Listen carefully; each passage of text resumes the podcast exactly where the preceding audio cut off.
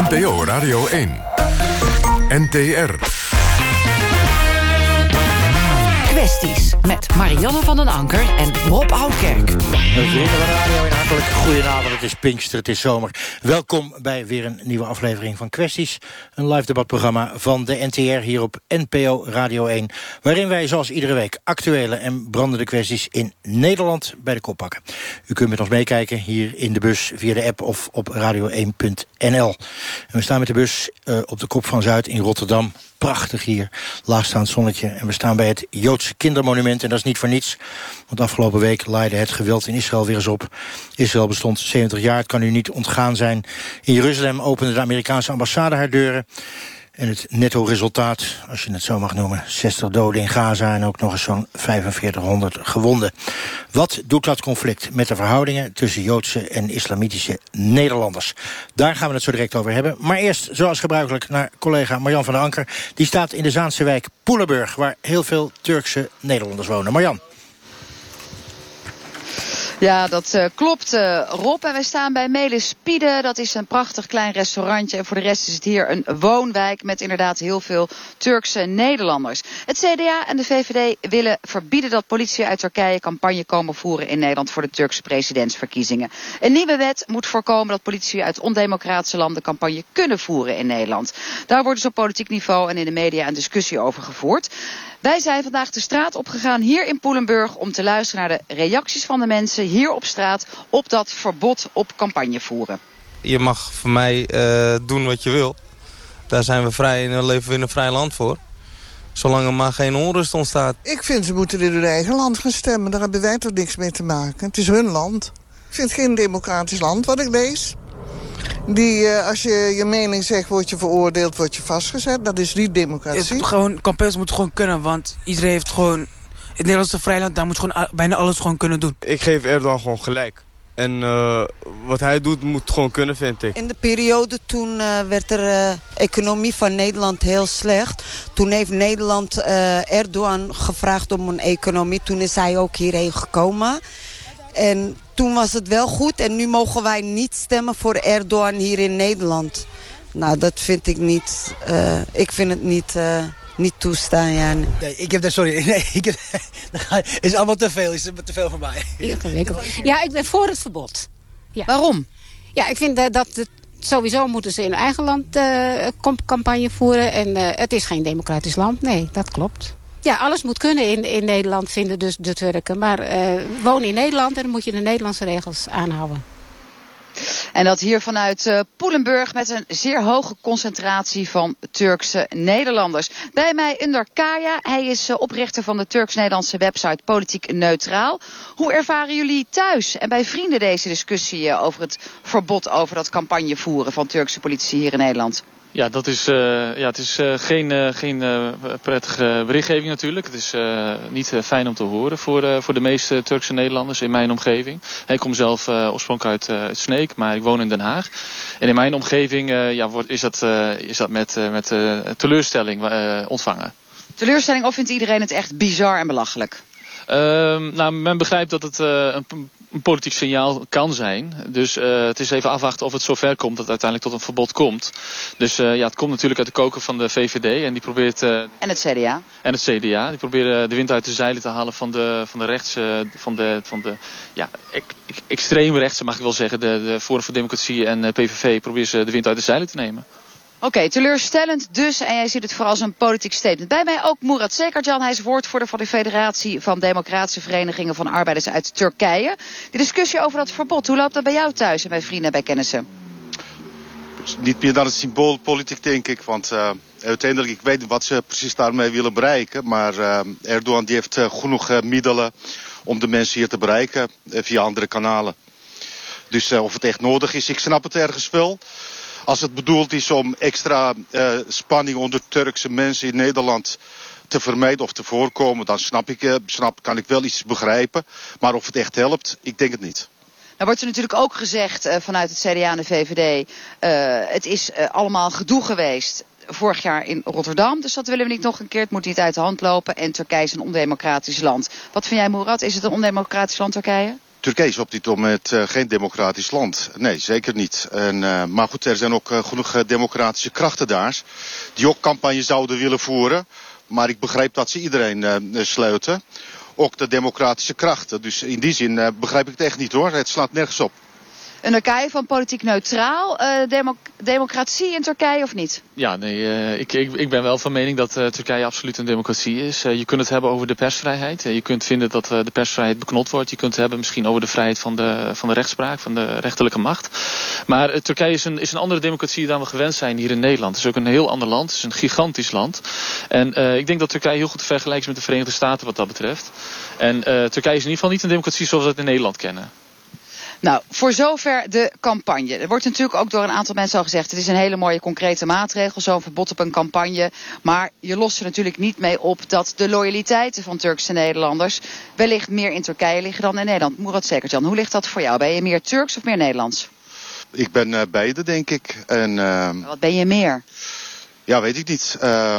Ik heb uh, mijn achtergrond, ik kom uit Istanbul, dus uh, de, de, westerse waarden, wat ze dan westerse waarden en normen noemen, dat zijn universele, zoals universele rechten van de mens. Uh, daar had ik me al in verdiept, dus ik moest alleen maar Nederlands leren. Nou, dat was het dan. Ben je geïntegreerd? Zo snel kan het gaan.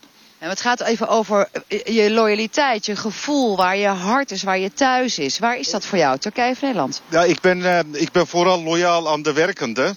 dus werkend in Nederland en werkend in Turkije. En dat is mijn loyaliteit. Ik ben niet loyaal aan een bepaalde politieke partij of aan een bepaalde staat. Wel aan, de, aan werkend Nederland. Daar ben ik heel erg loyaal, ja. Daar ben je ook woordvoerder voor. En daarom ben je ook hier in kwesties. Underkaya, voel jij je meer Turks of voel jij je meer Nederlands? Uh, ja, dat is een goede vraag natuurlijk en uh, heel relevant. Uh, ja, ik, ik, voel me, ik, ik, zie mezelf als een Turk met een Nederlandse nationaliteit, absoluut. Want ja, je merkt dat wanneer Turkije is gegroeid in de afgelopen 15 jaar ongeveer. En met name de laatste jaren merk je dat je geconfronteerd wordt met je Turkse afkomst. En ja, dan word je daarin word je bevestigd in gevoelens die je kunt hebben. En in ieder geval ervaar ik dat als zodanig. Als een, Turk met een Nederlandse nationaliteit. Puur omdat de Turkse actualiteit eigenlijk... Uh, jij als, als, als Turkse Nederlander wordt geconfronteerd met de Turkse actualiteit. Uh, dus alle ontwikkelingen in Turkije hebben hun weerslag op de Turkse Nederlanders. Dus dan merk je dat natuurlijk. Ja, ik denk dat dat wel een heel goed punt is. Uh, dat horen steeds meer, ook van jonge uh, Turkse Nederlanders. Ondertussen komt hier een auto keihard voorbij rijden. Heeft niets met ons te maken. Maar dat de loyaliteit die zij ervaren, hier geboren, derde generatie... steeds meer richting Turkije trekt. Omdat er dan een soort disloyaliteit zou zijn van Nederlandse voelen zich niet geaccepteerd. Hoe gaan we dat nou oplossen, Murat Zekertjan? ik denk dat je vier generaties nodig hebt. Misschien in het geval van Turken vijf generaties. Want wij zijn toch een heel chauvinistisch volk. En uh, wij zijn Turken. Wij Turken. Wij Turken en wij blijven overal Turken. Dat is één. En nou ja, 90% van de Nederlandse Turken die komen of uit Anatolië of uh, uh, vanuit het zuiden van Turkije. Dus dat, dat zijn mensen die al in eigen land, dus in het land van herkomst achtergesteld waren. En dan kom je gewoon in eentje naar Amsterdam of naar Zandam. Is toch een cultuurshock. En dan vervolgens probeer je aan te passen. Nou ja, je wordt gestopt in een ghettowijk zoals hier.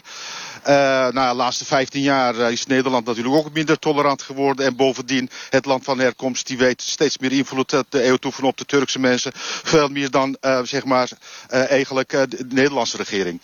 Dus in die zin denk ik het integratieproces heel erg vertraagd.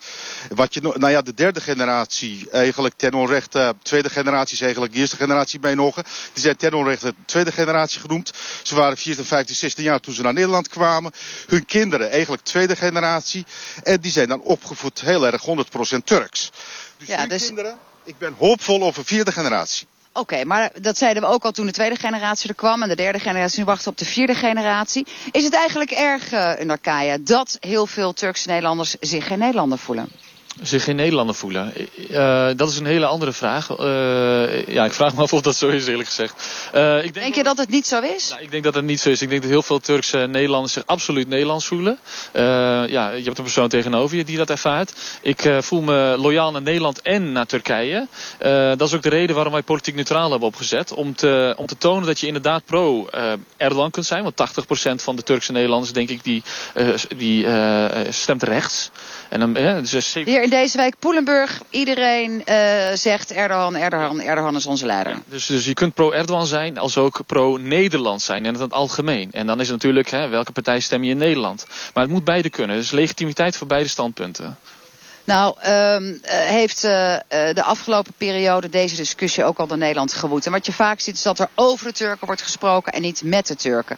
Die hele loyaliteitsdiscussie, speelt dat in Turkije? Je bent iets jonger dan Murat Zekerjan. In jouw omgeving, ja, absoluut. Je voelt wel dat je, en dat is ook de reden waarom we bepaalde politieke partijen nu krijgen. Hè. We krijgen Denk in, in, in, we Denk in Nederland en Denk in verschillende steden nu, in de grote steden. Je krijgt ook NIDA nu in Rotterdam en Den Haag. En je ziet dat het, dat het, dat de, de, het gevoel groeit. Groeiende is dat je buitengesloten wordt. We zeggen ook, die partijen zeggen, wij staan voor inclusie, waardigheid en gelijkheid. En we willen dat ook als zodanig ervaren. Wij willen meebesturen. En tot dusver zijn we toch qua bestuur buitengesloten. Als je kijkt bijvoorbeeld naar, ik zeg maar wat, een Kamer van Koophandel... dan zie je dat er nauwelijks Turkse Nederlanders uh, in de besturen zitten. En ik denk dat Murat dat ook kan delen vanuit de beroepspraktijk. En Murat is kan, je dat, uh, kan je dat delen? Je bent zelf bestuurder. En speelt ook in jouw omgeving bij Turken onderling... Uh, een soort vermoeidheid over waar ligt je hart... aan wie ben je loyaal, Nederland of Turkije? Of is het gewoon een feit dat men zich meer Turks voelt dan Nederlands? Uh, kijk, uh, de derde generatie die heeft wel moeite om uh, goede posities te krijgen. Het is lastig, de arbeidsmarkt is lastig. Dus veel, veel discriminatie op de arbeidsmarkt. Maar goed, er zijn natuurlijk wel bestuurders. misschien onvoldoende. Maar als je kijkt, nou ja, heeft de Nederlandse Turken echt een, middenstand, een middenstandklasse kunnen creëren? Als ik heel eerlijk ben, dat is gewoon echt heel erg klein. Dus Nederland heeft wel een achterstand in te halen wat dat betreft. Dus weinig bestuurders. Alleen dat is geen reden denk ik om op Denk te stemmen. Want Denk uh, vind ik toch een soort PVV voor gefrustreerde migranten eerlijk gezegd. Ja, en in deze discussie merk je natuurlijk dat mensen uh, dan weer roepen vanuit de Nederlandse kant, hè, de autochtonenskant, die lange arm van Erdogan. En Turkije uh, uh, wil natuurlijk ook de band houden met de onderdanen. En tegelijkertijd zijn er natuurlijk heel veel Turken die zich ook niet meer bij Nederland voelen horen. Wat kunnen we daaraan doen in Turkije? Nee, het is in ieder geval een heel goed punt dat u, dat u arbeidsdiscriminatie noemt. Hè. Dat, is, dat is dus de Achilleshiel eigenlijk van, van de Turks-Nederlandse gemeenschap, in, of misschien wel Nederland. Hè. Dat Erdogan vindt daar een basis, vindt daar legitimiteit om zich te bemoeien dus met, met Nederlandse aangelegenheden. Dus als Turkse Nederlanders discriminatie ervaren op de arbeidsmarkt, dan zegt Erdogan er iets over. Dan spreekt hij zich uit en dan wint hij sympathie natuurlijk onder achterban hier. Nou, zijn we hier vandaag in Poelenburg en het is eerste Pinksterdag en mensen hadden ook allemaal gewoon gezellig hier een dagje zon te pakken. Maar het is ons wel echt opgevallen hoe weinig mensen in deze wijk Nederlands spreken. We zijn hier echt een hele middag rond gaan lopen en iedereen sprak geen Nederlands. Wiens verantwoordelijkheid is dat nou? Ja, want wie, wie, wie zag u met name op straat? Want het is natuurlijk Ramadan. Hè? Veel mensen die slapen dan uh, rond het uur dat u uh, misschien wellicht uh, rond... Nou, de mensen die op straat waren, van jong tot oud, vrouwen, mannen, allemaal, ik spreek geen Nederlands. Allemaal, ja, echt ja. stuk voor stuk, wel veertig. Ja, dat hangt er natuurlijk vanaf waar u, waar u gaat peilen, waar u gaat staan. We zijn bij de speelplaats geweest, hier bij de moskee geweest, bij het winkelcentrum geweest, speelplaats, overal. Moeders, kinderen, vertel het maar, hoe kan dat nou? het is, het is, dat heeft natuurlijk ook met, met de media te maken. Hè? Dus als jij natuurlijk vooral Nederlandstalig media, of Turkstalig media consumeert. Als jij ja, ze hebben schotels aan staan, dus eigen schuld. Ja, het is dus, uh, dat is dus een van de redenen. Hè? Dus dat je vooral Turkstalige media consumeert. Uh, en bepaalde geslotenheid wellicht. Want we weten dat de Turks, uh, Turks-Nederlandse gemeenschap vrij gesloten is. Ja, en het is belangrijk dat die gemeenschap zich opent naar buiten toe. Zich openstelt. En dat zien we met name in de laatste jaren. Dat, Zou je ook kunnen zeggen dat ze onderling meer de verantwoordelijkheid nemen om tegen elkaar te zeggen. We praten ook Nederlands op straat. Want hier het speelterrein, alles was Turks. Alle gesprekken die we hier vandaag hebben gehoord, alles was Turks. Ja, nogmaals, dat u wat? Dat ze het eigen verantwoordelijk aan elkaar ook aan te, aan te spreken op het spreken van Nederlands. Nee, dat vind ik iets te ver gaan. Nee, je moet mensen gewoon in hun recht laten, in hun vrijheid laten. Ja. Murat Zekan, voor jou, laatste reactie. We hadden het over dat Nederlandse arbeidsdiscriminatie. En eigenlijk kwamen we erop uit dat werk zou helpen. Maar ja, dan moet je wel de taal spreken. Wiens verantwoordelijkheid is nou om die taal te leren spreken? Eigen verantwoordelijkheid. Uh, tegelijkertijd is het ook verantwoordelijkheid van de, de gemeentelijke overheden. Uh, dus die zouden daarin moeten investeren. Maar dat begint met die soort wijken verspreiden. Daarvoor hebben we 30 jaar al gepleit. Stop mensen niet in achterstandswijken. En niet bij elkaar. En niet bij elkaar, want nog sterker, hier is de voertaal de voertaal is gewoon Turks in deze wijk. Dus daarom kom je ook geen Nederlands sprekende tegen. Dat is al 30 jaar zo. Nou, dat eh, hopen we dan de volgende keer dat we hier komen. Ofwel bij de gasstrijd van Melis Spieden. Ofwel weer met jullie hier in Poelenburg mee te maken. Under Kaya, zeer veel dank van Politiek Neutraal. Wordt voor de, van de arbeiders eh, en de federatie. Dank jullie wel. Tot de volgende keer. Rob, terug naar jou. Dat was Marjan van der Anker in Poelenburg in eh, Zaanstad. Ik zei het al even na achter. Afgelopen week leidde het geweld in Israël weer op. Redenen zou je kunnen zeggen de 70-jarige verjaardag van het land. Opening van de Amerikaanse ambassade in Jeruzalem en de Nakbar. Resultaat zei ik net 60 doden. En een van mijn gasten, Mohammed Akari, zei niks 60. Het zijn er al 104 en 4500 gewonden. Maar ieder meer dan nul is er één te veel. Wat opviel was dat de hele wereld zeer heftig reageerde. Tientallen landen veroordeelden het beleid van Israël eigenlijk meteen als disproportioneel. Turkije en Zuid-Afrika trokken hun ambassadeurs terug. Omgekeerd, de Israëlische ambassadeur in België noemt de Palestijnen weer terroristen die hun verdiende straf krijgen. Vraag is, als zelfs volksvertegenwoordigers bekende Nederlanders, gisteravond op tv ook bij Sanne Wallis de Vries, cabaretiers al zo uitgesproken zijn. Hoe kunnen we groei van antisemitisme en islamofobie onder gewone Nederlandse burgers dan nog tegengaan? Hoe houden we hier het hoofd koel? En wat leren wij eigenlijk onze jongeren? Ik praat met jonge Joodse en Palestijnse Nederlanders. En met een pedagoog, Mohammed Akari. Eh, ik had je al geïntroduceerd van de groep studenten voor rechtvaardigheid in Palestina. Hoe heb jij de afgelopen week beleefd? Ja, de afgelopen week waren uh, weken eigenlijk. Want het, is, natuurlijk een lange reeks aan demonstraties. Uh, de grote mars van terugkeer demonstraties die er zijn. Um, ja, de afgelopen week waren zeer spannend. Het was... we zagen bruut geweld gebruikt worden tegen, tegen demonstranten, onschuldige doden die daarbij zijn gevallen. En je noemde het al, het aantal doden is in de honderden, het aantal gewonden is in de duizenden. Dus het is niet, uh, niet iets mild. Het is, uh, en wat doet, met, wat doet het met jou hier? Word, word, je daar militant van? Word je daar agressief van? Wat doet het met jou? Ja, milita militant, agressief. Nee, wat het met mij doet het is altijd jammer om te zien dat, uh, dat zulk onrecht plaats kan vinden. En dat het ook uh, dat het gebeurt zonder dat daar iets tegen gedaan wordt. Kijk, dat, Wacht even, maar je dat doet pijn. jammer, maar dat lijkt me een understatement. Je, je Natuurlijk moet... is het een understatement, uiteraard. Want ja, welk woord ga je kiezen? Maar nou, dat... welk woord kies je? Ja, jammer heb ik dus gekozen. Okay. maar dat is, het gaat erom dat er zulke onrecht kan plaatsvinden. En dat daar niks aan gedaan kan worden. Um, of dat daar niks aan gedaan wordt, dat, dat doet pijn. Um, maar ik denk niet dat, want we gaan het natuurlijk hebben over Nederland, uh, onze milieu in Nederland. Ik denk niet dat het hier in onze context um, ja, iets van agressiviteit. Nee. Oké, gaan we het zo direct over hebben. Diana Kader, um, vijf uur half tien hè, mag je weer eten, geloof ik. In de ja, Ramadan. Ja, klopt. Nog uh, één uur en uh, vijftien minuten. Heb, heb, heb, jij nog contact gehad met, met uh, vrienden of familieleden in Gaza, Israël? Je bent Palestijns activist. Je was gemeenteraadslid voor de SP in Vlaardingen. In Vlaardingen, ja. het klopt. Ja. Ik heb geen contact met iemand in Gaza de afgelopen dagen gehad, maar wel in de Westbank. En Iedereen leeft in angst. Iedere minuut, iedere seconde zijn ze bang dat de chaos naar de Westbank verschuift. En slaat die angst dan ook over op jou? Ja, heel erg. En waar ben je bang beetje... voor? Ik ben bang dat het daar... Uh, dat heel de West... Dat er een uh, tweede intifada... Ja, tweede, derde... Sorry. Een derde komt. Ja, oké. Okay. gaan eten. En je bent... Een derde intifada ja. uh, losbarst. En als het zo blijft, gaat het ook gebeuren. En als het zo blijft, gaat het ook gebeuren. We gaan er straks uh, over hebben, met name ook wat het met jullie doet. Ook Chantal Suissa Runne en Paul van der Bas zijn hier. Paul van der Bas was voorzitter van uh, de jongere afdeling van het CIDI, nu werkend bij het CIDI. En Chantal, uh, jij bent onder andere bekend van het programma Leer je buren kennen. Een project om scholieren in contact te brengen met Joden en de Joodse gemeenschap. Eerst even naar Paul. wat was jouw belangrijkste gevoel bij de gebeurtenissen de afgelopen week? Uh, mijn belangrijkste gevoel daarbij is uh, enerzijds uh, schok dat zulke dingen gebeuren natuurlijk. En aan de andere kant schok over de berichtgeving. waarin bijvoorbeeld niet wordt vermeld dat van die 60 doden die er 14 mei waren... dat er 53 lid waren van terreurbewegingen, 50 opgeëist door Hamas... drie door de islamitische jihad.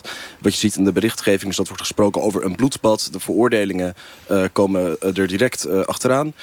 Wat blijkt, iedereen heeft voor zijn beurt gesproken. Van 53 van die 60 zijn inderdaad lid van terreurbewegingen... die uh, Israël van de kaart willen vegen. En Israël heeft het volste recht om zich daartegen te verdedigen. Dus dat maakt het voor jou anders? Begrijpelijker? het maakt uh, elke onschuldige dode is inderdaad één te veel. Maar als je ziet dat er uh, berichtgeving gewoon niet klopt... En dat er misschien een paar dagen later een heel klein rubriekje in de krant komt met... ja, eigenlijk waren 53 terroristen bij. Dan is er sprake van een berichtgeving die gewoon niet klopt. Jij bent Joods, je hebt een familie in Israël? Ik ben niet Joods. Je bent niet Joods, maar je hebt wel familie daar of vrienden daar? Ik heb er zoveel vrienden, ik ben er zeven keer geweest. Uh, en nou ja, dat is, ik denk wel dat de situatie nu uh, aan de grens met Gaza... dat die Palestijnen die daar zijn uh, meer raakt dan een Israëli die, die in Israël was. Hoor je van je vrienden hoor je iets van angst daar? Een ander, ander, soortig, nou, ander soortig gevoel? nou ja, natuurlijk is er angst. Hamas is een terreurbeweging die subsidieert mensen... om daar te gaan demonstreren en te proberen het grenshek te doorbreken. als dat inderdaad gebeurt, nou ja, dan is dat natuurlijk, heeft het geen prettige gevolgen... voor mensen die daar vlakbij die grens wonen in Israël. want wat Hamas met die mensen wil, dat is vrij klaar. Die wil die mensen vermoorden en wil Israël vernietigen. Oké, okay. gaan we straks verder over praten. Uh, Chantal, uh, wel Joods. Wel Joods. Uh, heb jij nog in angst gezeten over familie of vrienden die daar wonen? Ja, ik, maak me, ik weet niet of ik in angst zit. Mijn gevoel is alleen maar daar gaan we weer. Ik heb natuurlijk uh, nodige oorlogen en intifada's en toestanden meegemaakt al in mijn leven. En vooral wat het hier doet. Ja, ik maak me daar... Ik heb geen vrienden in Gaza, uh, wel op de Westbank, Palestijnen. Ik heb familie in Israël en vrienden daar. Dus ja, het raakt mij direct. Maar het raakt me ook hier in Nederland. Als mijn kinderen gaan naar Joodse school... en als het conflict uh, tussen Israël en de Palestijnen toeneemt... neemt helaas ook de dreiging richting de Joodse gemeenschap toe. En omgekeerd zie ik ook ik dat... onderbreek je, dat is ja? onaardig. Voel je dat zo of is dat zo? Nee, dat is zo. Uh, ik zit in een hele hoop Joodse besturen... En, uh, en ik maak ook mee wat we moeten regelen aan beveiliging. En je ziet gewoon uh, dat bijvoorbeeld na de laatste Gaza-oorlog van 2014... dat het van eigen beveiliging moest worden opgeschaald naar marechaussee. Dat raakt mij met kleine kinderen. Tegelijkertijd wil ik toch even zeggen, voor je naar de volgende gaat... zie ik ook dat moslimdiscriminatie en islamofobie toeneemt. Okay, ik en ik nog... denk, je kan niet alleen voor het ene staan. En uh, volgens mij zijn dat twee kwaden die je allebei moet aanpakken. En dat is wat ik hier probeer Don't worry, gaan we het straks uitgebreid over hebben. Ik wil nog even van je horen. Het was een enorme afkering, uh, afkeuring sorry, van het uh, Israëlische handelen... door heel veel landen, heel snel. Wat doet dat met jou? Ik denk altijd dat mijn gelijk niet per se jouw ongelijk hoeft te betekenen. Dus uh, ik vind dat Israël het recht heeft om zichzelf te uh, verdedigen. Ik zie dat de protesten in de Westbank wel een hele andere natuur hebben dan in Gaza. Maar daar zit ook ander leiderschap. Dus weet je, ik probeer altijd naar de nuance te zoeken. En ik vind het verschrikkelijk als er doden vallen. Maar ik vind het ook eng als een land in zijn bestaansrecht wordt aangevallen. Zo sta ik erin. Oké, okay. uh, laatste die hier uh, vanavond aanwezig is, Filinta Karabulut. Je bent al eerder geweest hè, hier in de bus. Docent geschiedenis, waar doseer jij? In IJmuiden, op het in, IJm in IJmuiden. En um, vertel nou eens, in zo'n week, dan heb je leerlingen. Praten die daarover of praat jij erover? Nou, het leeft wel. Maar zoals elke politiek thema wat opeens in is en waar je uh, in kan herkennen, dan leeft dat. Ik doe een school als een soort samenleving in een samenleving. Dus alles wat er gebeurt, dat, dat komt natuurlijk terug in het onderwijs. Maar ga je nog bewust met die leerlingen erover praten? Ja, tuurlijk. Ik bedoel, um, ik denk dat dat de enige oplossing is om goed erover te kunnen nadenken. Ik bedoel, aan de ene kant heb ik islamitische leerlingen die natuurlijk zien wat voor onrecht er wordt aangedaan... tegen mensen die hetzelfde geloof als hun hebben. Aan de andere kant heb ik Joodse leerlingen... die eigenlijk zich daarin moeten verdedigen. Dus dan probeer ik heel goed uit te leggen van... kijk, uh, in dit conflict gaat het niet per se over religies. Het zijn staten en politieke en politiek-economische motieven. Dat kan je allemaal keurig uitleggen. Maar merk je iets van wrijving, van clash, van onbegrip. Ja, maar ja. Niet, niet, niet op een ongezonde manier. Ik denk niet dat het heel. Ik denk niet dat het erg is dat erover wordt gesproken. Ik bedoel, het is een soort identiteit. En als je achter je identiteit wil komen, moet je daarover praten. En ik.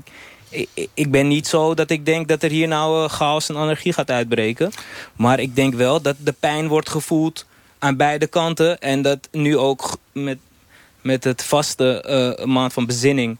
Uh, dat het leeft om gewoon na te denken daarover. Komt er ook nog bij. Het is uh, twee minuten voor half negen. Wij praten over wat de gevolgen voor Nederland zijn... als het gaat om antisemitisme of islamofobie door het geweld van de afgelopen weken in Israël. Veel media, ook de Verenigde Naties, uh, ik zei het net al... waren nogal fel over het handelen van Israël. Uh, VN-commissaris Zeidraad al-Hussein die noemde bijvoorbeeld afgelopen vrijdag... het geweld, ik citeer het even, het geweld van Israël aan de grens van Gaza... buiten alle proporties. Laten we even luisteren naar David Bezemer. Hij is weer voorzitter van sportvereniging Maccabi... Joodse vereniging in Nederland. En hij heeft een andere visie. Ja, je kan je dus afvragen of er uh, sprake is geweest van protesten.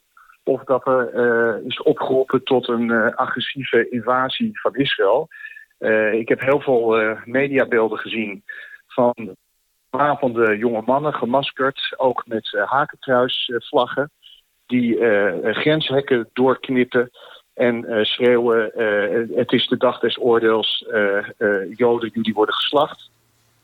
Joden, jullie worden geslacht. Paul, uh, zowel media als politiek, als bekende Nederlanders, als de VN... te eenzijdig in hun veroordeling? Uh, ja, dat denk ik wel. Ik denk dat je aan, naar beide kanten moet kijken. En ik vind hem, uh, gaan ze ook doen, hè? Ze gaan onderzoek doen. Uh, nou ja, dat heeft de Nederlandse overheid gezegd. Dat vind ik heel goed. Natuurlijk moet er onderzoek worden gedaan. Er zijn er veel mensen doodgegaan. Er moet onderzoek zijn. Is dat inderdaad terecht geweest? Is dat volgens de regels geweest? Dat is alleen maar terecht. Maar om heel voorbarig al een conclusie te trekken... en Israël te veroordelen... terwijl eigenlijk niet alle feiten bekend bleken te zijn... dat vind ik echt heel erg onverantwoordelijk. Diana, te eenzijdig reactie van Verenigde Naties, Europa, de wereld? Het nieuws is sowieso in Nederland continu te eenzijdig. Wat je ook in de media ziet, altijd, dat, is altijd, dat de media gewoon pro-Israël is. Daar moeten we ook gewoon naar kijken. Dat vind jij nog steeds zo? Dat voel je nog steeds zo? Dat voelt en dat blijft ook zo. En zie je daar een verandering in de laatste... Je bent nog jong natuurlijk, maar zie je daar een verandering in de laatste decennia? Nou, de afgelopen weken hebben we bijvoorbeeld naar Nieuwsuur gekeken. En wat mooi was tijdens de uitzendingen van Nieuwsuur... dat ze uh, Palestijnen daar aan het woord hebben uh, gebracht. En... Uh, nieuws van, vanuit de Palestijnse kant naar voren hebben. En dan zeg je, dan wordt het minder eenzijdig belicht. Ja, dus het nieuws moet van twee kanten komen. Het nieuws moet zelfs van alle kanten komen, zeggen wij hier op NPO eh, Radio 1. Uh, eh, ook de politiek in Nederland die reageert natuurlijk, dat is onvermijdelijk. Achtereenvolgens hoort u uh, Tuna Kuzu, Joël Voordewind en Geert Wilders. 70 jaar lang met leden ogen toezien hoe de westerse wereld de hand boven het hoofd houdt van een staat die steeds maar weer doorgaat met het bouwen van illegale nederzettingen om levensruimte te creëren. 70 jaar lang toezien dat een staat immigratie van een homogene groep bevordert met de Heim ins Reich gedachte. En aan de andere kant 2 miljoen mensen propt op een klein stukje aarde. Elk slachtoffer is er weer eentje te veel. Ze gijzelen hun eigen bevolking. Uh, ze sturen hun eigen bevolking uh, de dood in door ze naar het hek te verwijzen. Uh, als ze werkelijk belangen van hun kinderen voor ogen hebben... dan sluiten ze vrede met de Fatah en dan sluiten ze vrede met Israël. En dan zal de welvaart weer terugkeren in de Gaza. we moeten gewoon steun geven aan Israël die gehakt maakt van al die Palestijnen... en die Hamas-terroristen die illegaal om geweld te gebruiken... de grens over proberen te gaan met Israël. Dat kan niet. Israël is de enige democratie in het Midden-Oosten. En die terroristen, dat ze die aanpakken, mijn steun hebben ze. Hoe harder, hoe beter. En de laatste herkende u ongetwijfeld uh, Geert Wilders. Chantal, 70 jaar lang, hè? zo oud is Israël. 2 miljoen mensen op een klein stukje land stoppen. Uh, is nogal stellig, hè? die zegt gewoon... Ik veroordeel het allemaal. Heeft hij nou niet een punt? Wat ik altijd zo lastig vind is het eenzijdige aanvallen. Maar ja, ik zoek echt altijd naar beide geluiden. En dat betekent ook beide narratieven. En dat betekent dus dat je begrip moet hebben voor de ontstaansgeschiedenis van Israël... maar ook voor de gevoeligheid van de Nakba. Dat is iets waar ik me niet per se populair mee maak. Maar wat ik wel te makkelijk vind, is dat... Um, kijk, de, de, de hele wereld kijkt naar Israël en staat altijd vooraan om Israël te veroordelen. Ik ben ontzettend kritisch op deze regering. En op Hamas en op Fatah. Ze zijn wat mij betreft allemaal corrupt. En ze sturen al deze mensen de verdoemenis in. Maar wat ik echt een probleem vind is... waar is de rest van de Arabische wereld? Iedereen kijkt naar Israël, want het lijkt zo makkelijk. Hè? Joodse, Joden versus moslims. Egypte beheert ook een groot gedeelte van die grens. En wat doen die? Die laten de Palestijnen ook keihard kraperen. En nog één ding wat ik er toch over wil zeggen... en heb ik me toch laten verleiden tot politiek... is... Uh, Israël bestaat ook uit moslims en Arabieren. Ongeveer 20 procent zelfs. Misschien iets minder. Ik heb de getallen niet. De Palestijnen zijn niet alleen moslims. Er zijn ook christenen. Het is een politiek gevecht over land. Het is geen religieuze oorlog. Okay, en dat wil ik echt nog even op de radio genoemd hebben. Uh, waarvan akte, want dat heb je inmiddels gedaan. Uh, Flinter Karbeloet, geschiedenisdocent. Uh, zet het eens in, in geschiedeniskader. kijken we wel op een objectieve manier. enerzijds naar Israël met betrekking tot de Palestijnen, of is dat niet zo? Nee, objectief is zeker niet ik vind het heel grappig dat het aan beide kanten dat het niet objectief is. Maar waar gewoon sprake van is, is als je naar de geschiedenis kijkt... is dat er een, vorm, een moderne vorm van apartheid plaatsvindt daar. En dat leerlingen dat zien... En dan moet je met ze over praten. Van, er staan muren gebouwd. Dat is één, zodat er geen raketten gegooid worden. Maar twee is het ook gewoon beperken van extreme vrijheden. Wat in extreme gedachten gaat. En omdat om te voorkomen dat leerlingen daarin meegaan in een soort media waarin één iemand de schuld gaat, moet je gewoon heel goed uitleggen dat er economische uh, motieven zijn en politieke motieven. En dat het helemaal niks heeft te maken met het feit dat iemand Joods is of iemand islamitisch is. Want van oorsprong is het gewoon deels komt uit hetzelfde geloof. En als je dat dan ook uitlegt, dan is het, dan bindt het meer. En dan nou, nou hoor ik, jullie zijn 20 minuten bezig... hoor ik overal bij jullie nuance. Je zou moeilijk kunnen zeggen, uh, Mohammed... dat als Geert Wilders zegt... we moeten gehakt maken van al die Palestijnse terroristen... hoe harder, hoe beter. Uh, of de wind, uh, Palestijnse bevolking sturen... of de Palestijnen sturen hun eigen bevolking de dood in dat klinkt wat minder genuanceerd dan jullie hier zijn. Wat, wat, wat denk jij dan als je die uitspraken van onze politici hoort? Ik denk dat uh, vrij weinig mensen Geert Wilders zelf nog serieus nemen. En als ze dat doen, dan gaat het daar al mis. Um, ehm, 20 zetels, hè? Helaas wel. Um, ja, maar ik bedoel, kan je niet zeggen dat het weinig mensen zijn? Nee, maar laten we even verder gaan. Um, wat, wat ik denk dat het is we moeten niet vergeten dat er een heel veel context is. En ik denk dat het woordje heel erg belangrijk is. Uh, het feit dat die Gazanen al heel lang in een isolatie leven. Um, waarin nog zee, nog landgrens aan hun geboden wordt. Waarin ze niet vrij zijn om zelf hun bezoekers te kiezen en te ontvangen. Waarin ze uh, uh, aan de genade van de Israëli's over zijn gelaten... in het verkrijgen van brandstof, medicijnen, voedsel en al het andere. Um, uh, het feit dat 70% van de inwoners van Gaza oorspronkelijk komt uit gebieden die nu Israël heten. En uh, in de Israëlische grenzen zijn vluchtelingen met andere woorden. Dus die een huis en haard ergens anders hebben. En als je dat met elkaar optelt, inclusief die isolatie en blokkade en uh, die Gaza opgeworpen krijgt. Um, dan snap je dat het uh, best heftige demonstraties worden. Dan snap je dat men het een mars van terugkeer, dat legt het ook gelijk uit. Een mars van terugkeer omdat we terug willen keren naar daar waar we vandaan komen. Terug naar waar we oorspronkelijk vandaan komen. Als ik het even samenvat, dan zeg je gewoon wat Israël doet is foute boel.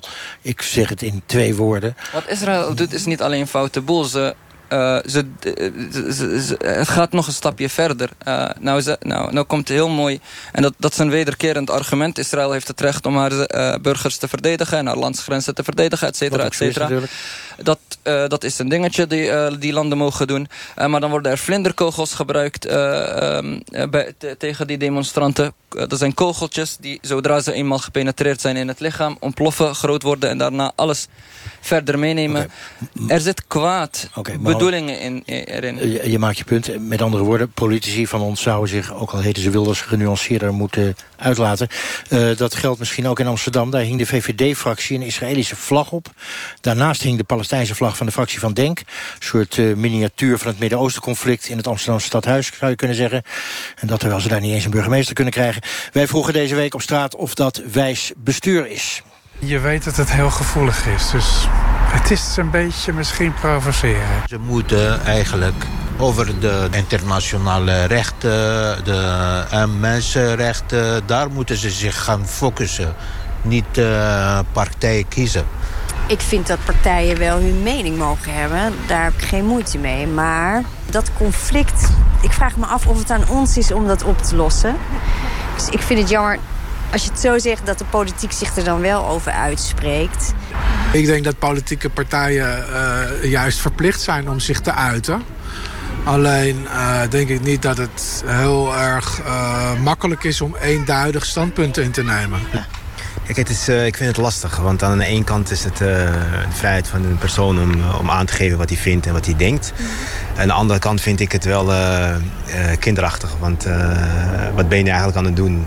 Ben je, ben je voor Israël, pro-Israël, ben je pro-Palestina? Of ben je als mens aan het nadenken wat het beste is voor de gehele mensheid? En als ik die politieke partijen bekijk, dan heb ik, ben ik van mening dat ze te veel bezig met elkaar zijn... in plaats van wat goed is voor de mensheid. En dat is, ja, dat is lastig.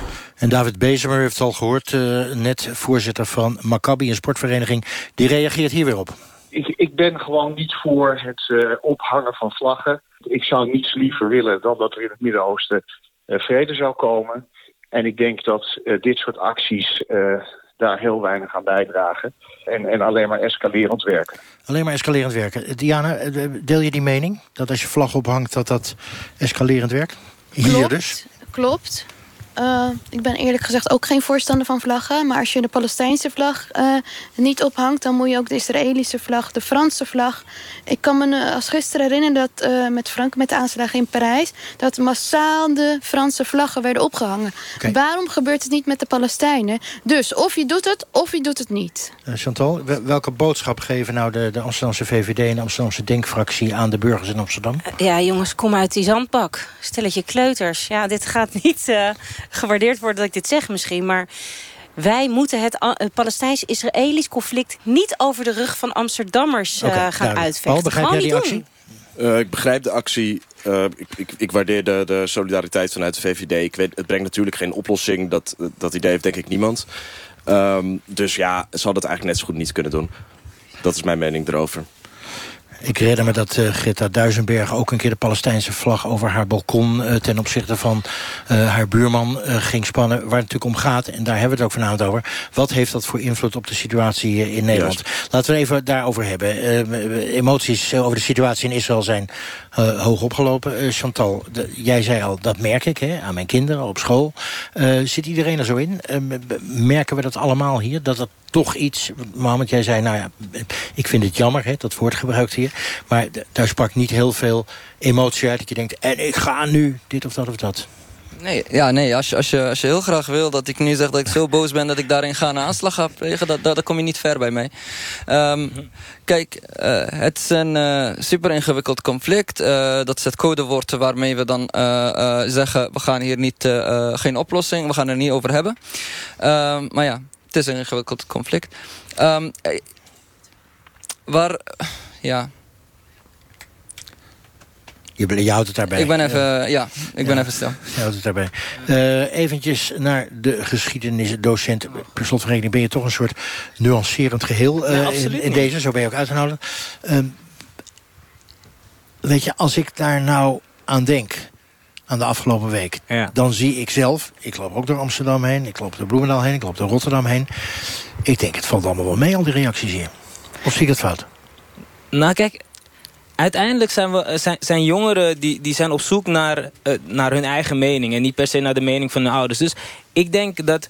Uh, nogmaals, het heel goed is als jongeren gewoon gaan nadenken over wat er in de wereld speelt. En dan uiteindelijk niet aan de kant van haat gaan staan, maar gewoon aan de kant van liefde. En dat is een moeilijkere keuze dan we denken. En um, door die discussie met elkaar aan te gaan... waar wij meestal bang voor zijn. Dat in, in Nederland zijn we bang om hele moeilijke thema's in het onderwijs aan te kaarten. Omdat je dan als docent een beetje orde kan verliezen. Maar het punt is, al die geschiedenislessen over hoe het in, in het Romeinse Rijk ging... dat onthoud, ik ben niet in de illusie dat ze over tien jaar onthouden... welke Napoleon of welke Lodewijk of wat dan ook. Mag je hopen dat maar ze dat niet onthouden. als ze mijn discussie... Uh, ja, ik hoop het wel. Ja. Ik, ik, probeer het inspirerend te brengen. Maar ja, ja, um, nou, ik, ik, ik, hoop wel dat ze mijn, dat zijn mijn uh, lessen over hoe je gaat discussiëren... of hoe je het debat aangaat... of hoe je nadenkt over bepaalde keuzes... gewoon heel redelijk en rationeel kan voeren. Dat is heel mooi genuanceerd. Het kan natuurlijk ook zo zijn... genuanceerd, is gewoon ja, maar hoe ik erover nadenk. Als Israël zoiets doet zoals afgelopen week... Hè, hoe je daar ook over denkt... dan is de angst dat er uh, weer een enorme oplaaiing van Maar die emotie is niet... Die, dat er emotie vrijkomt is niet iets ergs. Dat is, sterker nog, dat moet je accepteren. Maar okay. die emotie mag gewoon niet doorslaan in niet, niet, niet, niet bedre in bedreiging of fysiek dingen. Maar het even, is heel goed even, dat er kritiek aan beide kanten wordt gegeven. Emotie accepteren Tuurlijk. Lijkt me prima. Uh, niets is leuk, uh, leuker dan emotie. Maar antisemitisme accepteren? Nee, maar kijk, als, je het gaat, als het gaat over Israël en Palestina... dan kan je sowieso zeggen dat antisemitisme gaat over het jodendom. En een, kritiek op de staat Israël hoeft niet per se... of kritiek op de staat Palestina hoeft niet per se uh, over religies te gaan. En dat probeer ik ze mee te geven. Paul? Uh, nou, ik denk wel dat uh, natuurlijk is Israël-kritiek is niet per se antisemitisch. Maar het, het kan wel voortkomen uit antisemitisme. En het kan ook zo zijn dat wanneer uh, mensen kritiek uit op Israël... dat ze daarbij ook antisemitische stereotypen gebruiken. En ik, um, je ziet natuurlijk bijvoorbeeld die aanval op het restaurant Hakarmel. Hè, dat was een man die zegt van ja, ik ben boos op Israël... maar hij gaat wel een Joods restaurant in Amsterdam aanvallen. je ziet Sanne Wallis de Vries, die een liedje zingt over, ja, toch over Joden en geld. wat misschien bedoeld is als satire en bedoeld is als okay, grappig. Je, maar... je noemt het even, laten we er even naar luisteren. Staat, uh, kan ik dat even horen? Uh, Martin? De, de bestuurder van de... Sanne Wallis de Vries. We gaan het even proberen. Uh, ondertussen uh, zetten we misschien even op een rij... een soort compilatie van heftige uitspraken. Nee, we doen Sanne Wallis de Vries. Die staat nog gauw leeg hey, hey. Van Haifa tot de Rode Zee. Is vuurwerk en koosje saté. Dus dans gewoon op mijn muziek mee.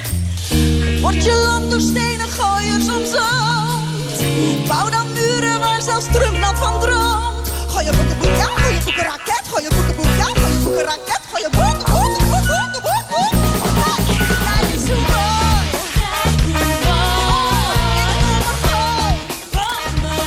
Als u het niet gezien heeft, kijk het maar even na op YouTube of op uitzending gemist. Het was een uh, lied wat niet bepaald pro-Israël was. En eigenlijk zei ik het aan het begin van de uitzending al. Je hebt politici, je hebt uh, de Verenigde Naties... je hebt uh, een heleboel hoogwaardigheidsbekleders... die allemaal weinig genuanceerd zijn. Um, dan is de vraag hoe wij dat als gewone burgers wel kunnen blijven. Misschien een beetje een lompe vraag, Mohammed. Maar door wat er in Israël is gebeurd... krijg je daardoor een hekel aan Joden? Kijk, dit is al de derde keer dat je probeert. Rob, laten we, laten we gezellig uh, gaan doen. Je onderwerp uh, waar we hiervoor gekomen zijn was... wat gaan we samen doen uh, hier in Nederland? Dat is toch een hele normale vraag? Ja, maar als je, hem, je hebt hem één keer geprobeerd te stellen op een bepaalde manier... de tweede keer op een tweede manier... en nu vraag je hem heel straight up. Ik heb geen hekel aan de Joden. Joden zijn, zie ik juist als, als mijn familie. Uiteindelijk, ik ben een Arabier en uh, via Abraham zijn wij neefjes. Dat, is, dat is hoe ik uh, mijzelf zie tegenover de Joden. Ik, ik heb geen haat. Ik heb problemen met wat Israël aan het doen is. Ik heb problemen met het onrecht dat Israël aan het plegen is tegen de Palestijnen. Daar heb ik hele grote problemen mee. Okay. Ik wil dat het ook zo snel mogelijk wordt rechtgezet. En zo eerlijk mogelijk wordt gedaan. Maar Joden, maar Joden, dat, dat, dat hou ik uh, weet je waarom ik die vraag stel? Niet, niet om uh, jou uit te horen. Maar een heleboel mensen denken ja. dat door wat er hier gebeurt... een heleboel islamieten een enorme hekel krijgen aan joden. Dat hoor je op straat ja, overal. Okay. Daar Kijk, stel ik die vraag. We, moet, we moeten even één dingetje, een kleine opmerking even erbij gooien. We moeten niet um, Israël vrij spel geven in het begaan van onrecht... en het begaan van misdaden en begaan van kwaad.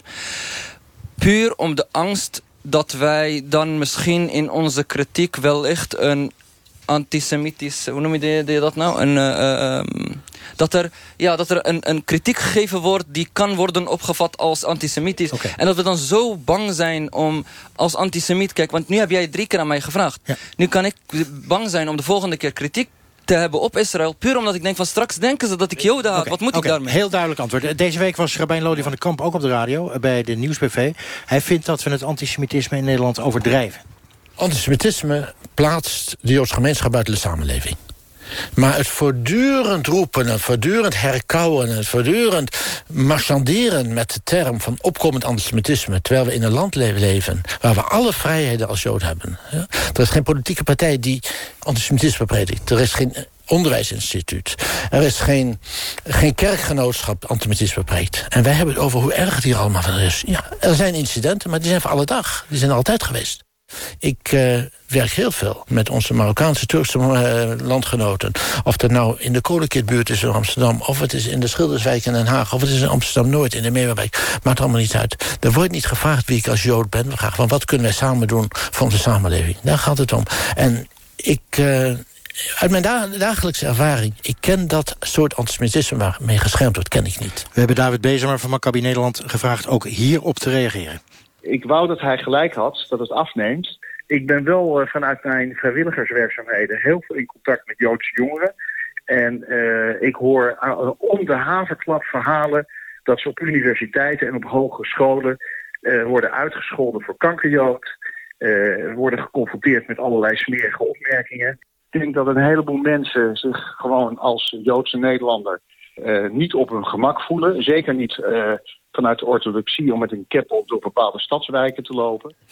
Paul van der Bos, uh, Rabijn van der Kamp, toch niet de eerste de beste. Hij zegt het wordt gewoon overdreven, uh, het antisemitisme. Heeft hij een punt? Uh, nee, hij heeft absoluut geen punt. Ik oh. vind uh, Rabijn van der Kamp is, nou, hij spreekt voor zichzelf en dat is prima. Uh, ja, hij gaat gezellig thee drinken. Een paar maanden geleden nog in de Asuna-moskee.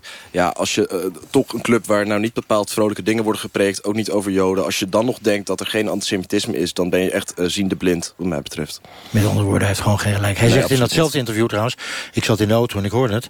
Uh, zei hij bijna letterlijk... het CIDI verdient aan antisemitisme. Uh, dat, klopt jullie organisatie antisemitisme in Nederland op... zoals hij een beetje suggereert? Nee, vind ik echt een hele walgelijke aantijging. dat is echt niet het geval. Wij gebruiken een hele strikte definitie voor antisemitische incidenten. Wij stellen een rapport op wat volgens strikte criteria gebeurt. Die kan iedereen inzien. Iedereen kan onze methodologie nalezen hoe wij dat doen.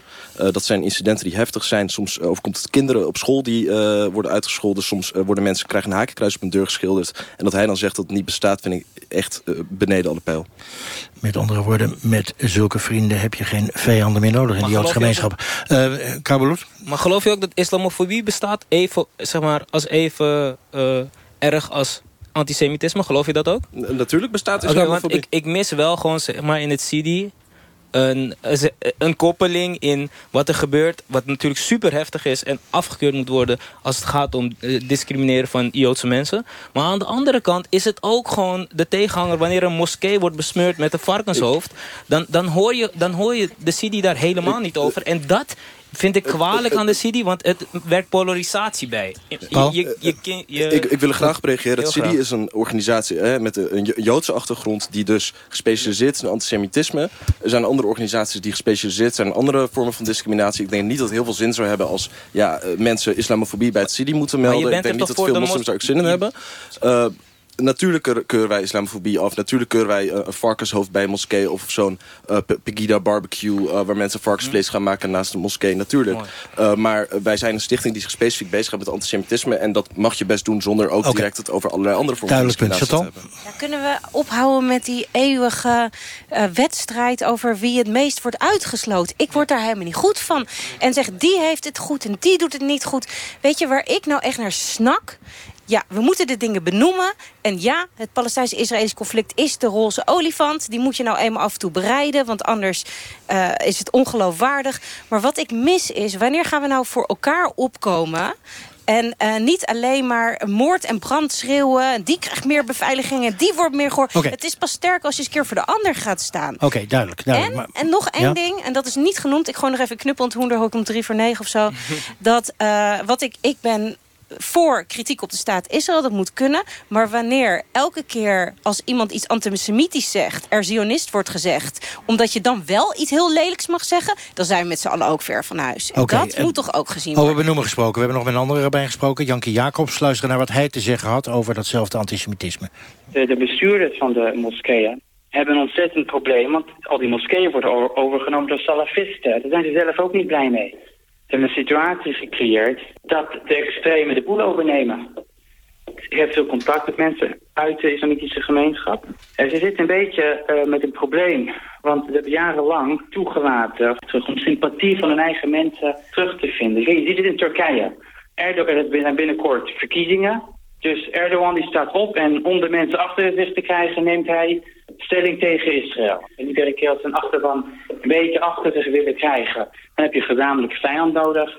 En dan, dan is dat Israël. Dat loopt op een gegeven moment ook uit de hand. Want als je een, een, een maatschappij krijgt, een samenleving, die um, eigen problemen, eigen tekortkomingen ja, niet ziet, maar altijd afschuift op de ander, in dit geval Israël, de Joden, dan is dat een kwestie van tijd dat dat, dat het volledig uit elkaar barst. Diane Kader.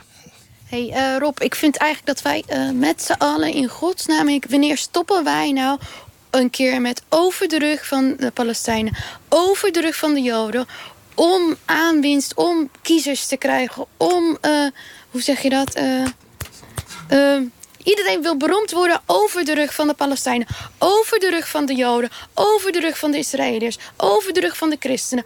Over de rug van de Koerden. Okay. Verzin iets nuttigs okay. om je publiek te dienen. Duidelijke kriedekeur, uh, die neem ik zeer ter harte. Het is nog geen drie voor negen, uh, kan ik je vertellen, Chantal. Dus we hebben nog Sorry, vijf minuten. Nee, hartstikke goed. Um, en over drie kwartier mag je weer eten, hoor. Um, maar de, laten we het dan hebben over... En dan zou ik het heel graag van jullie willen horen. Van jullie allemaal. Wat zijn dan de oplossingen? Hè? Want we zijn er allemaal tegen. We hebben er allemaal tabak van. Eigenlijk jullie alle vijf. En eigenlijk ik ook. Ja, um, dus wat gaan we doen om het op te lossen? Ik zal je één voorbeeld geven. Ik heb gesuggereerd in Amsterdam. Ik ben daar voorzitter van een, een, een scholenkoepel. Om islamitische en joodse school bij elkaar te doen. Nou, wat ik allemaal over me heen kreeg. Het was ongeveer een vuilnisbelt, die wil je niet weten. Geef eens oplossingen die zouden helpen. Ik begin bij jou, Diana. na je kritikeur? Uh, ik zou gewoon verder gaan met wat de huidige gemeenschap in Amsterdam doet. Want Amsterdamse, waar bijvoorbeeld Chantal is lid van heel veel verenigingen... waar onder andere uh, de moslim en christenen en joden samenwerken. Dit moet naar iedere stad. Die die, die denktankgroep... Amsterdam is het voorbeeld? Amsterdam is een groot voorbeeld. we hebben Mo en Moos bijvoorbeeld. Dat is een Joods-Islamitische leiderschapsgroep. We hebben Leer je buren kennen. We hebben Salam Shalom. Ik kan je zoveel voorbeelden ja, nee, van, van, vriendschap en van, van, van kameraadschap... Uh, uh, waar ook echt wel ruimte is om de pijn te bespreken... maar waar we uiteindelijk beseffen... wij moeten hier in vriendschap en in begrip met elkaar verder... ook als we het niet met elkaar eens zijn... elkaar als mensen zien. En, en even vragen aan jullie, want jullie zijn allemaal vrij jong. Is dat bij jongeren makkelijker dan bij oudere mannen en vrouwen? Vraag ik maar even aan onze geschiedenisdocent. Ja, nou, nou ik, ik, weet niet, maar jongeren hebben wel sneller de intentie om gewoon te luisteren. En, uh, ja, dat is interessant wat je zegt. Ik bedoel, dat, dat, dat is de komende generatie, of de komende generaties. Uh, je ziet ook dat Hamas en Israël, dat wordt geleid door echt oude mannen. Ja. Zou, dat, zou dat ook in Nederland anders zijn als hier de jongeren op de bres um, zouden springen, zoals jullie? Eh, eh, het zal alleen al helpen als, je, als alle docenten gewoon het lef zouden tonen... om gewoon een, een, gezamenlijk, een gezamenlijk onderwerp te bespreken. En dan uiteindelijk, wanneer die les voorbij is... gaan ze toch samen voetballen. Gaan ze toch samen chillen. En dan is het niet wat die discussie... We moeten niet bang zijn om die discussie in het oh, onderwijs te voeren. Oké, jij roept docent op en je zegt niet bang zijn. Diana? Ik roep alle scholen op uh, christelijke openba uh, moslimscholen, openbare scholen... om een denktankgroep op te starten en samen te verbinden. En het onderwerp te, te, discussiëren, te bespreken op scholen. Waarom zijn wij bang? Waar, waar, waar, waarvoor zijn we bang? Okay, ik kom er niet uit, sorry. Nee, je komt er echt wel uit. Eh, prima. Ja. Uh, Paul? Uh, kijk, we hebben al heel lang hebben we, zijn er dialooggroepen... en die doen fantastisch werk. Aan de andere kant, die mensen die natuurlijk echt misschien hun, hun denken dat de omzet in geweld... dat zijn meestal niet die mensen die gaan aanschuiven... bij de dialoog, iftars en weet ik het allemaal. Dus er is ook meer nodig. Er zijn harde maatregelen nodig. En er moet een duidelijke boodschap uitgaan. Jij mag hele duidelijke standpunt hebben... felle standpunt hebben, kritiek op Israël of van de andere kant, prima... maar je gaat niet dat omzetten in geweld. Oké, en wat doe jij zelf? Wat ik zelf doe is, wij uh, registreren wanneer er inderdaad geweld plaatsvindt... of haatdragende uitingen, dat registreren wij en proberen de overheid op te roepen... om dat uh, hard aan te pakken. Haatmisdrijven tegen joden, tegen wie dan ook. Uh, iemand die vanwege zijn identiteit geweld ervaart... Dat, dat moet gewoon zwaar worden bestraft. Chantal? Ja, ik geloof dat we meer rolmodellen nodig hebben die zich uitspreken. En we hebben, zijn niet gebaat bij uh, allerlei leiders die een, enorm één kant kiezen... zonder het brede spectrum en de nuance te zien. Dus ik roep echt op voor mensen, kom voor de ander op. Ga als Joods persoon voor zo'n moskee staan wanneer een hoofdpop is. Maar moslims, ga ook voor ons staan wanneer onze uh, okay, restaurants maar, maar, maar wacht even, Dus jij vindt eigenlijk dat al onze cabaretiers... al onze hoogwaardigheidsbekleders, al onze politici... dan allemaal gewoon het slechte voorbeeld geven? Ik zeg niet dat ze allemaal het slechte voorbeeld geven. Maar ik vind, en ik ben de oudste in dit gezelschap. Ik mag mezelf officieel niet eens meer jongeren noemen. Ik vind dat onze jongeren verdienen voorbeelden te krijgen... die een, een, een, een licht zijn van menselijkheid en meer nuance. Ik vind, en ik zeg niet dat iedereen zo moet zijn... maar daar mogen er wel wat meer bij komen. Dat zijn duidelijke woorden. Uh, we zijn er nog niet uit, maar ik spreek met jullie de hoop uit... dat we dat over tien jaar... Nee, niet meer, want we zitten aan het einde van de uitzending. Het is ontzettend lullig. Maar het kan niet anders. Tenzij het één zin is. Mohammed. In één zin, een existentieel debat over Palestina en, uh, en Israël. En wie moet het initiëren? Uh, daar werken we wel aan. Kom goed. Goed, gaan we uh, proberen tot zover deze uitzendingen. We zijn er, zoals ik al zei, nog niet uit. Diana, je mag zo eten. Het is nog uh, eh, 35 minuten. Volgende week uh, zondag zijn we er weer ergens in dit land. Ehm, heeft u een kwestie die u hier in deze bus zou willen bespreken? Mail ons dan. Wie weet staan we volgende week bij u in de wijk. Kwesties, apenstaartje, ntr.nl. Zometeen Radiolog. Geniet nog van deze prachtige zomeravond. En morgen van Tweede Pinksterdag. En tot volgende week.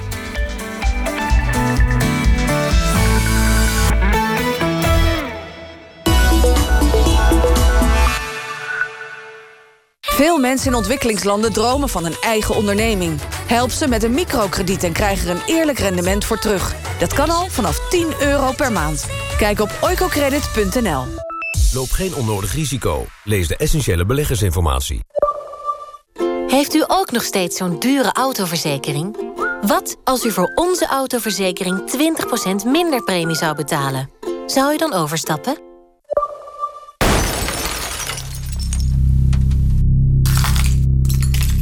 Woninginbraken voorkomen Dat doen we met wijkagenten. Maar ook met data scientists. Zonder IT'ers zijn we nergens. Ben jij expert in IT? Maak er politiewerk van. Ga naar it.combijdepolitie.nl Stap vandaag nog over naar Promovendum. Ga naar promovendum.nl voor de voorwaarden... en kijk of wij ook uw auto tegen een 20% lagere premie kunnen verzekeren. De overstap regelen wij voor u. Hey, pst, even op adem komen. Laat je op in Overijssel. Fiets door nationale parken, bossen en heidevelden... en bezoek onze historische steden met hun eigen verhaal. Visit Oost.nl hey, ga je mee naar het strand? Ja, goed idee. Ga je mee een dagje shoppen? Eh, ja, leuk. Ga je mee naar de... Oh, alweer.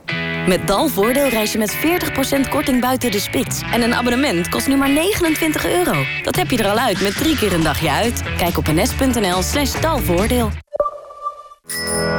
Laat je op in Overijssel. Visit oost.nl Cultuur in de buurt verrast. Ontroert. Raakt. Mede dankzij uw gift. Steun daarom de Anjer-actie van het Prins Bernhard Cultuurfonds. Geef aan de collectant. Of ga naar anjeractie.nl. NPO Radio 1